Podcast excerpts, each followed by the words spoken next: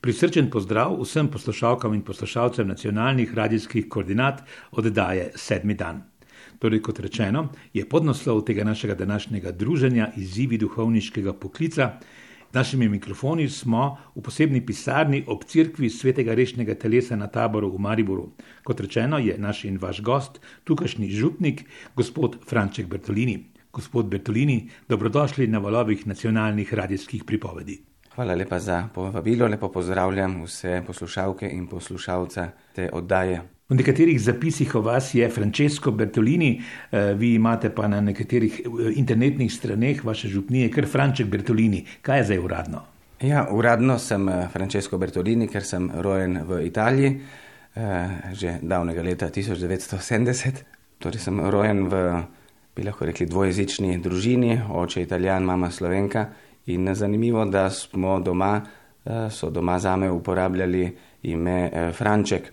Eh, in tudi tako, če nas je bilo kar eh, nekaj, ne, torej sem zadnji od sedmih eh, bratov in sester, in tudi pri drugih, uradno imamo vsi italijanska imena, ampak doma tako tudi, ne, recimo Jožek, Vanek ne, in Franček smo bili. Ne.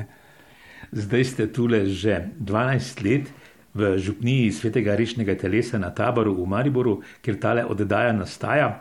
Ste pa obiskovali zamejske šole in druge organizacije slovenske manjšine in ste si potem, kasneje, kot duhovnik, izbrali to jezuitsko redovniško pot, da ste šli v slovensko provinco, ne v katero od italijanskih. Jaz sem se odločil na koncu gimnazije, takrat vem, da v sebi tako sem nosil tako željo, verjetno tako mladostniška drža, odkrivati svet in vem, da mi ni bil noben problem iti kam drugam, pravzaprav bolj kot neka pustolovščina. Tako da, ko sem se odločil, prav to, da ja bi se lahko odločil, ali bi šel v italijansko provinco jezuitov ali v slovensko jezuitsko provinco, ampak ker sem bil bolj v stiku s slovenskimi jezuiti, ki so delovali takrat tudi v Stari Gorici v Italiji, v skupnosti eh, Centro Stella Matutina.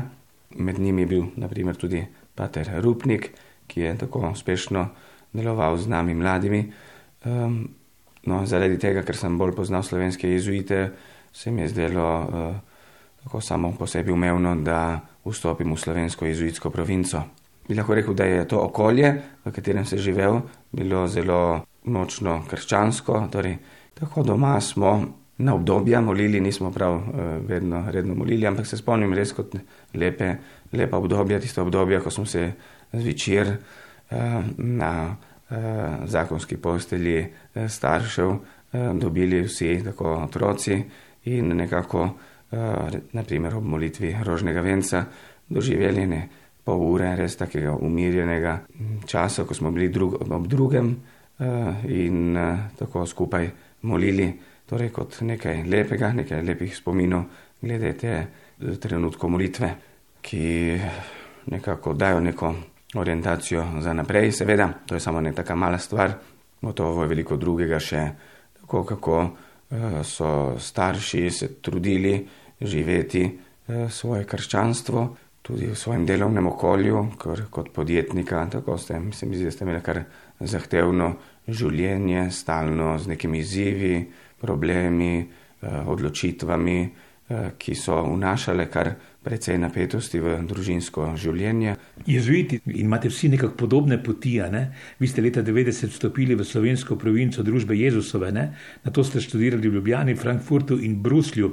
Ko smo se kdaj v tej oddaji s podnaslovom Izzivi duhovniškega poklica pogovarjali s katerih vaših sobratov iz, iz vrst jezuitov, je šel podobno pot. Jezuiti imajo veliko možnosti, da nudijo zelo dobro formacijo. Jaz potem sicer. Eh, na koncu formacije sem imel malo neko krizo in potem, da nisem nadaljeval kot jezuit, ampak zdaj sem uh, inkardiniran v Mariborski načkofiji. Vsekakor uh, uh, tako sem povezan z jezuiti, zdaj sicer imam tudi načkofa jezuita in uh, papeža jezuita, tako da imam več jezuitskih skoraj predstojnikov kot prej. In uh, uh, tako, uh, najbolj vsekakor pa sem hvaležen za to jezuitsko formacijo, ki mi res uh, pomaga, da lahko sedaj sem uh, v službi uh, tako škofiji, nadškofu tukaj. Tako se mi zdi, da res lahko zdaj glede določenih stvari pomagam, kot drugače ne bi mogel. Na škofiji sem voditelj pastoralne službe, to pomeni desna roka nadškofa za pastoralno področje, res to, kar se tiče delo za duše, čeprav bolj na organizacijski ravni, kako je škof v stiku z župnijami, kako jim posreduje informacije, kako jim nadškof da neko vizijo za njihovo delo, katere povdarke. E, in tako tudi v tem smislu sem vesel, da lahko služim na tem področju. Kaj komunicirate, vi, ki ste vodje pastoralnih služb po različnih škofijah, kako tole pastoralno zgodbo krščanstva na slovenskem, tem vrtu med Lendovo in Portorožem, narediti v prihodnje, simbolno rečeno, še bolj atraktivno, zlasti za mlade? Vsekakor lahko delamo na taki osebni ravni, drugače pa eh, imamo na ravni koordinacijo pastoralnih služb, kjer se dobivamo vsake tri mesece in eh, si izmenjamo izkušnje, eh, načrtujemo določene stvari, ki se dogajajo vsako leto, ampak vseeno jim je treba dati neko, neko smer, neke povdarke. Eh, zdaj, naslednjič se dobimo, eh, zdaj prihodnji teden. Eh, In bomo tako zdaj v zvezi s sinodo se najbolj pogovarjali.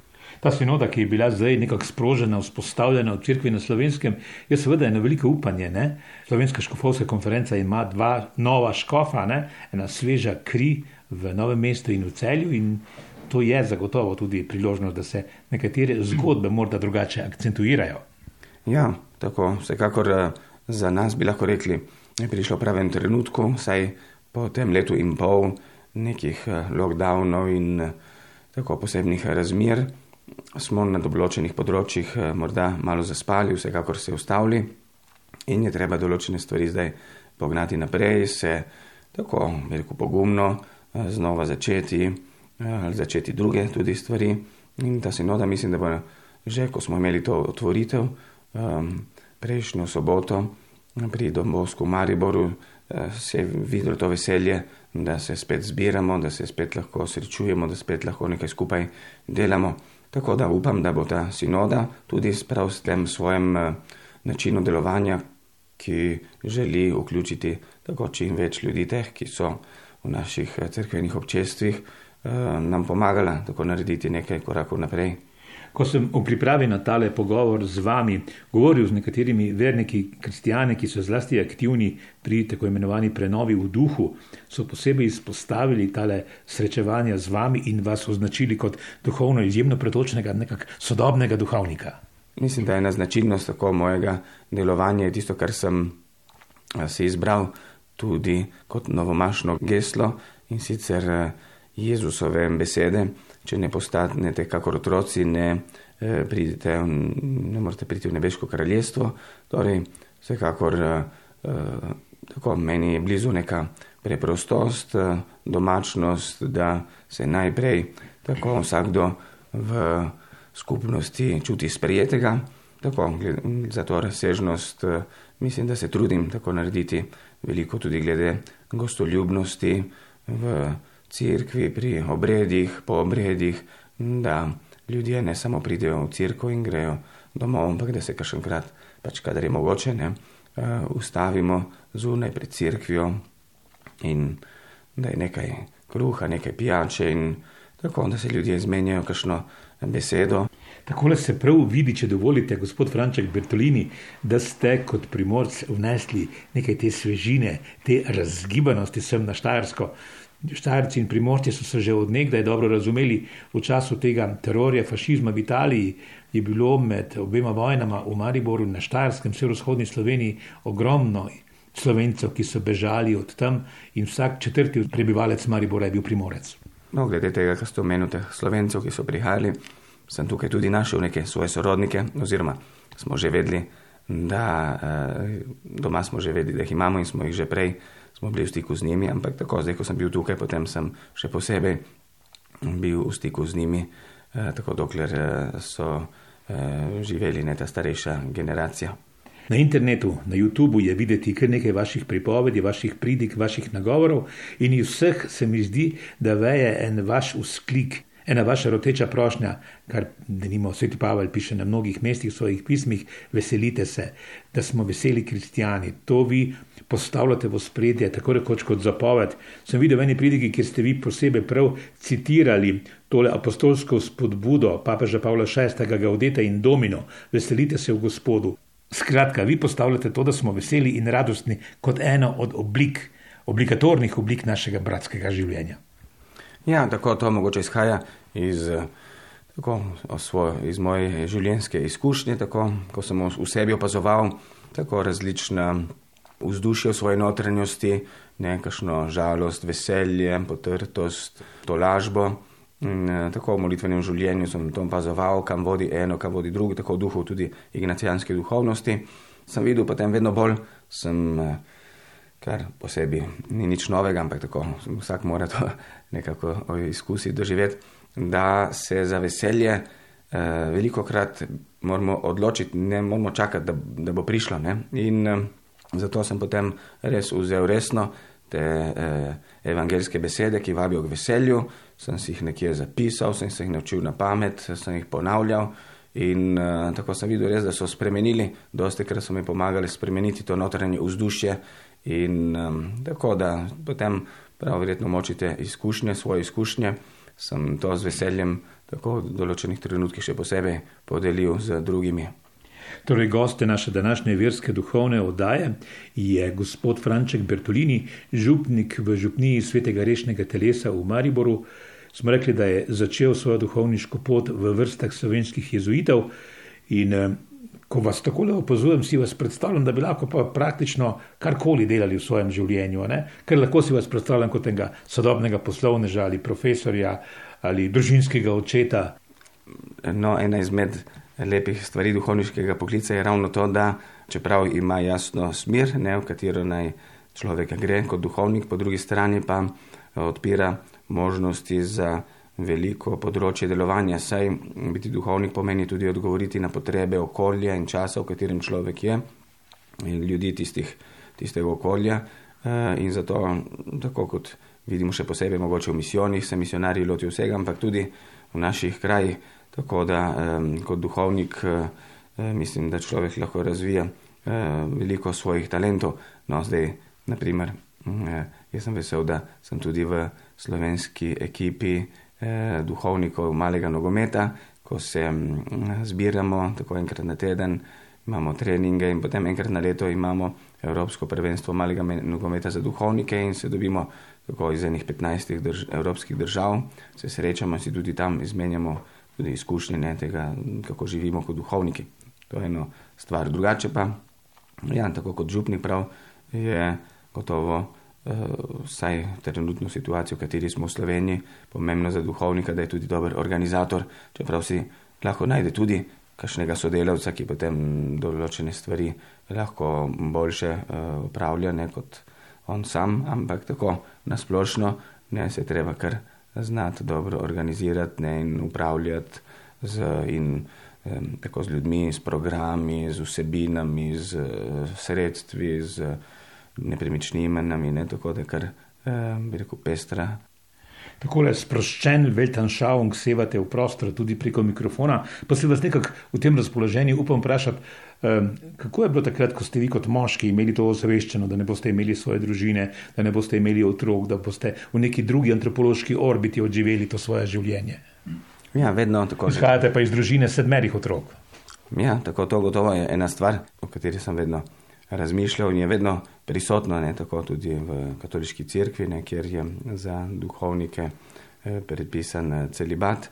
Tako že od začetka, ne, tako, da mogoče takrat nisem zdaj nekak prav imel neko vizijo, ne, družine, ampak tako se mi je zdelo, sem vedno razmišljal, ne škoda, da ni tudi te možnosti, ne.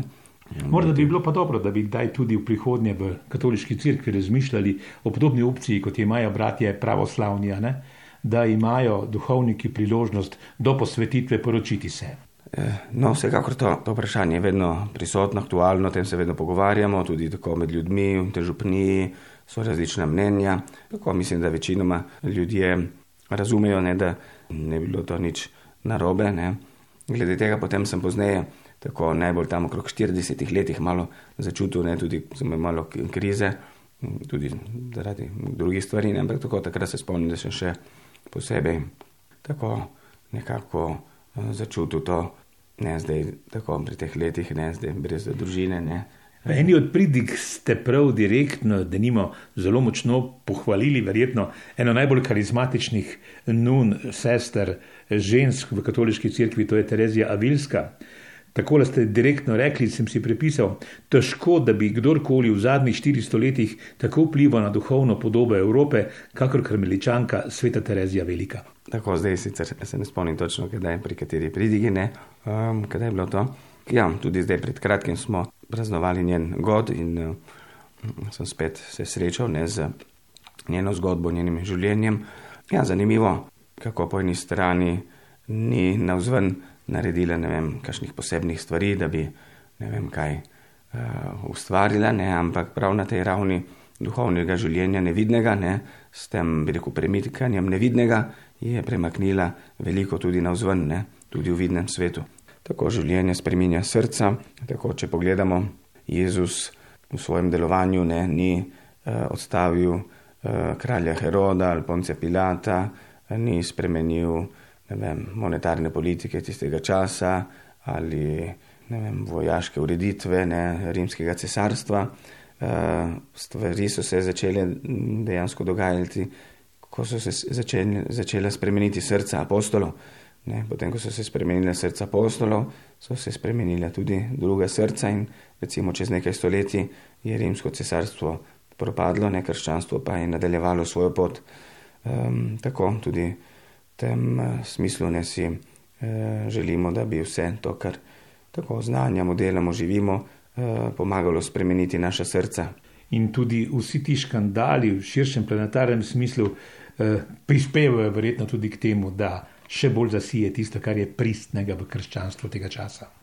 Ja, tako seveda je težka ta pot, da iz tako, rekel, ne po človeško gledano, da iz nekaj slabega nastane nekaj dobrega, ampak tako, če gledamo po božje, ne Bog zna tudi iz. In, in to je tisto, kar je za nas lahko tako odrešujoče, ne, da zna tudi iz kakšnih težkih situacij potem narediti nekaj dobrega, ne iskati pot, naj pomaga najti pot prečiščevanja, eh, da človek potem se še bolj eh, jasno ne za kakšne stvari odloči.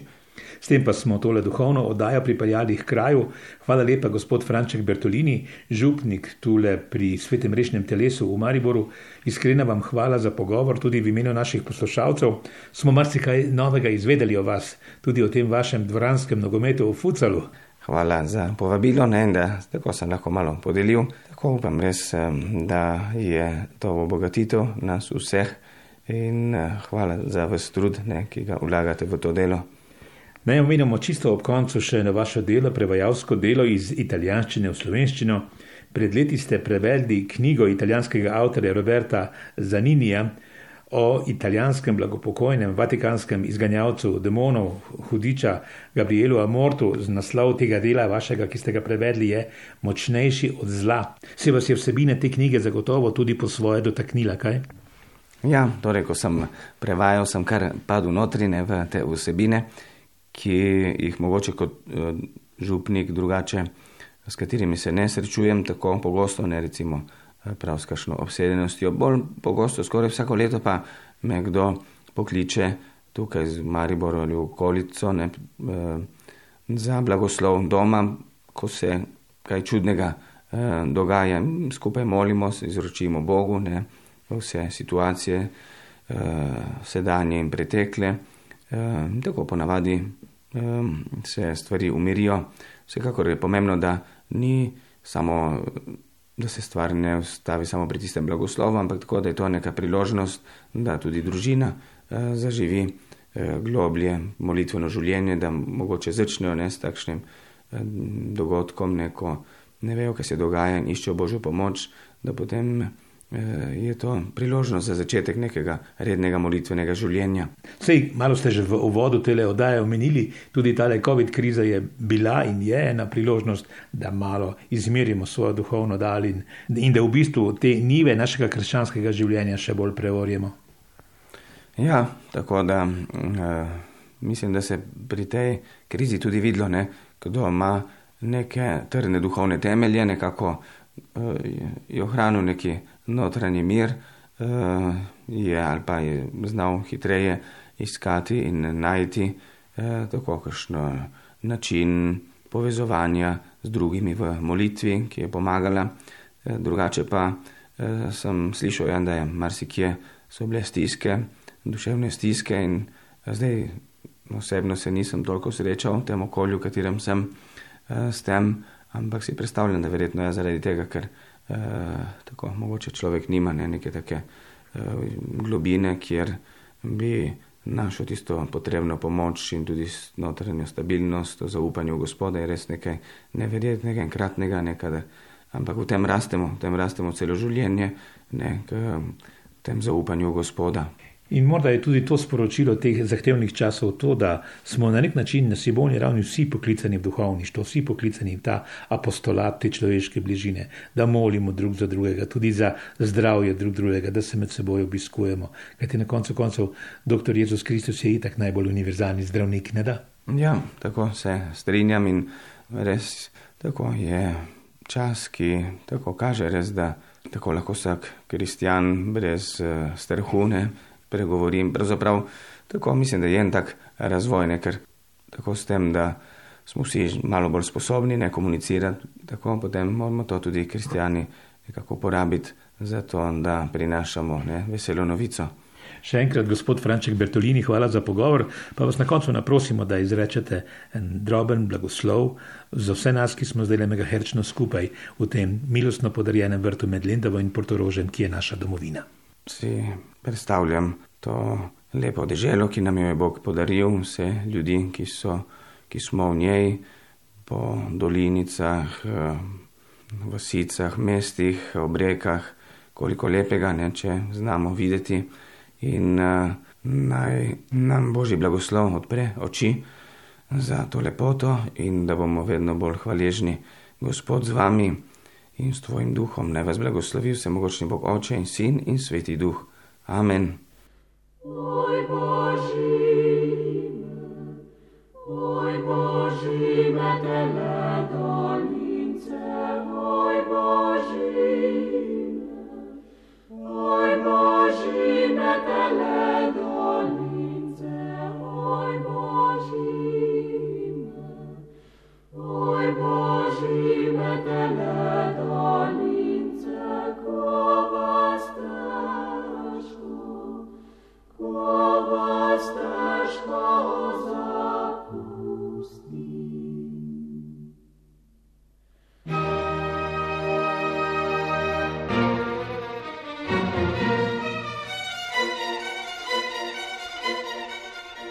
sedmi dan.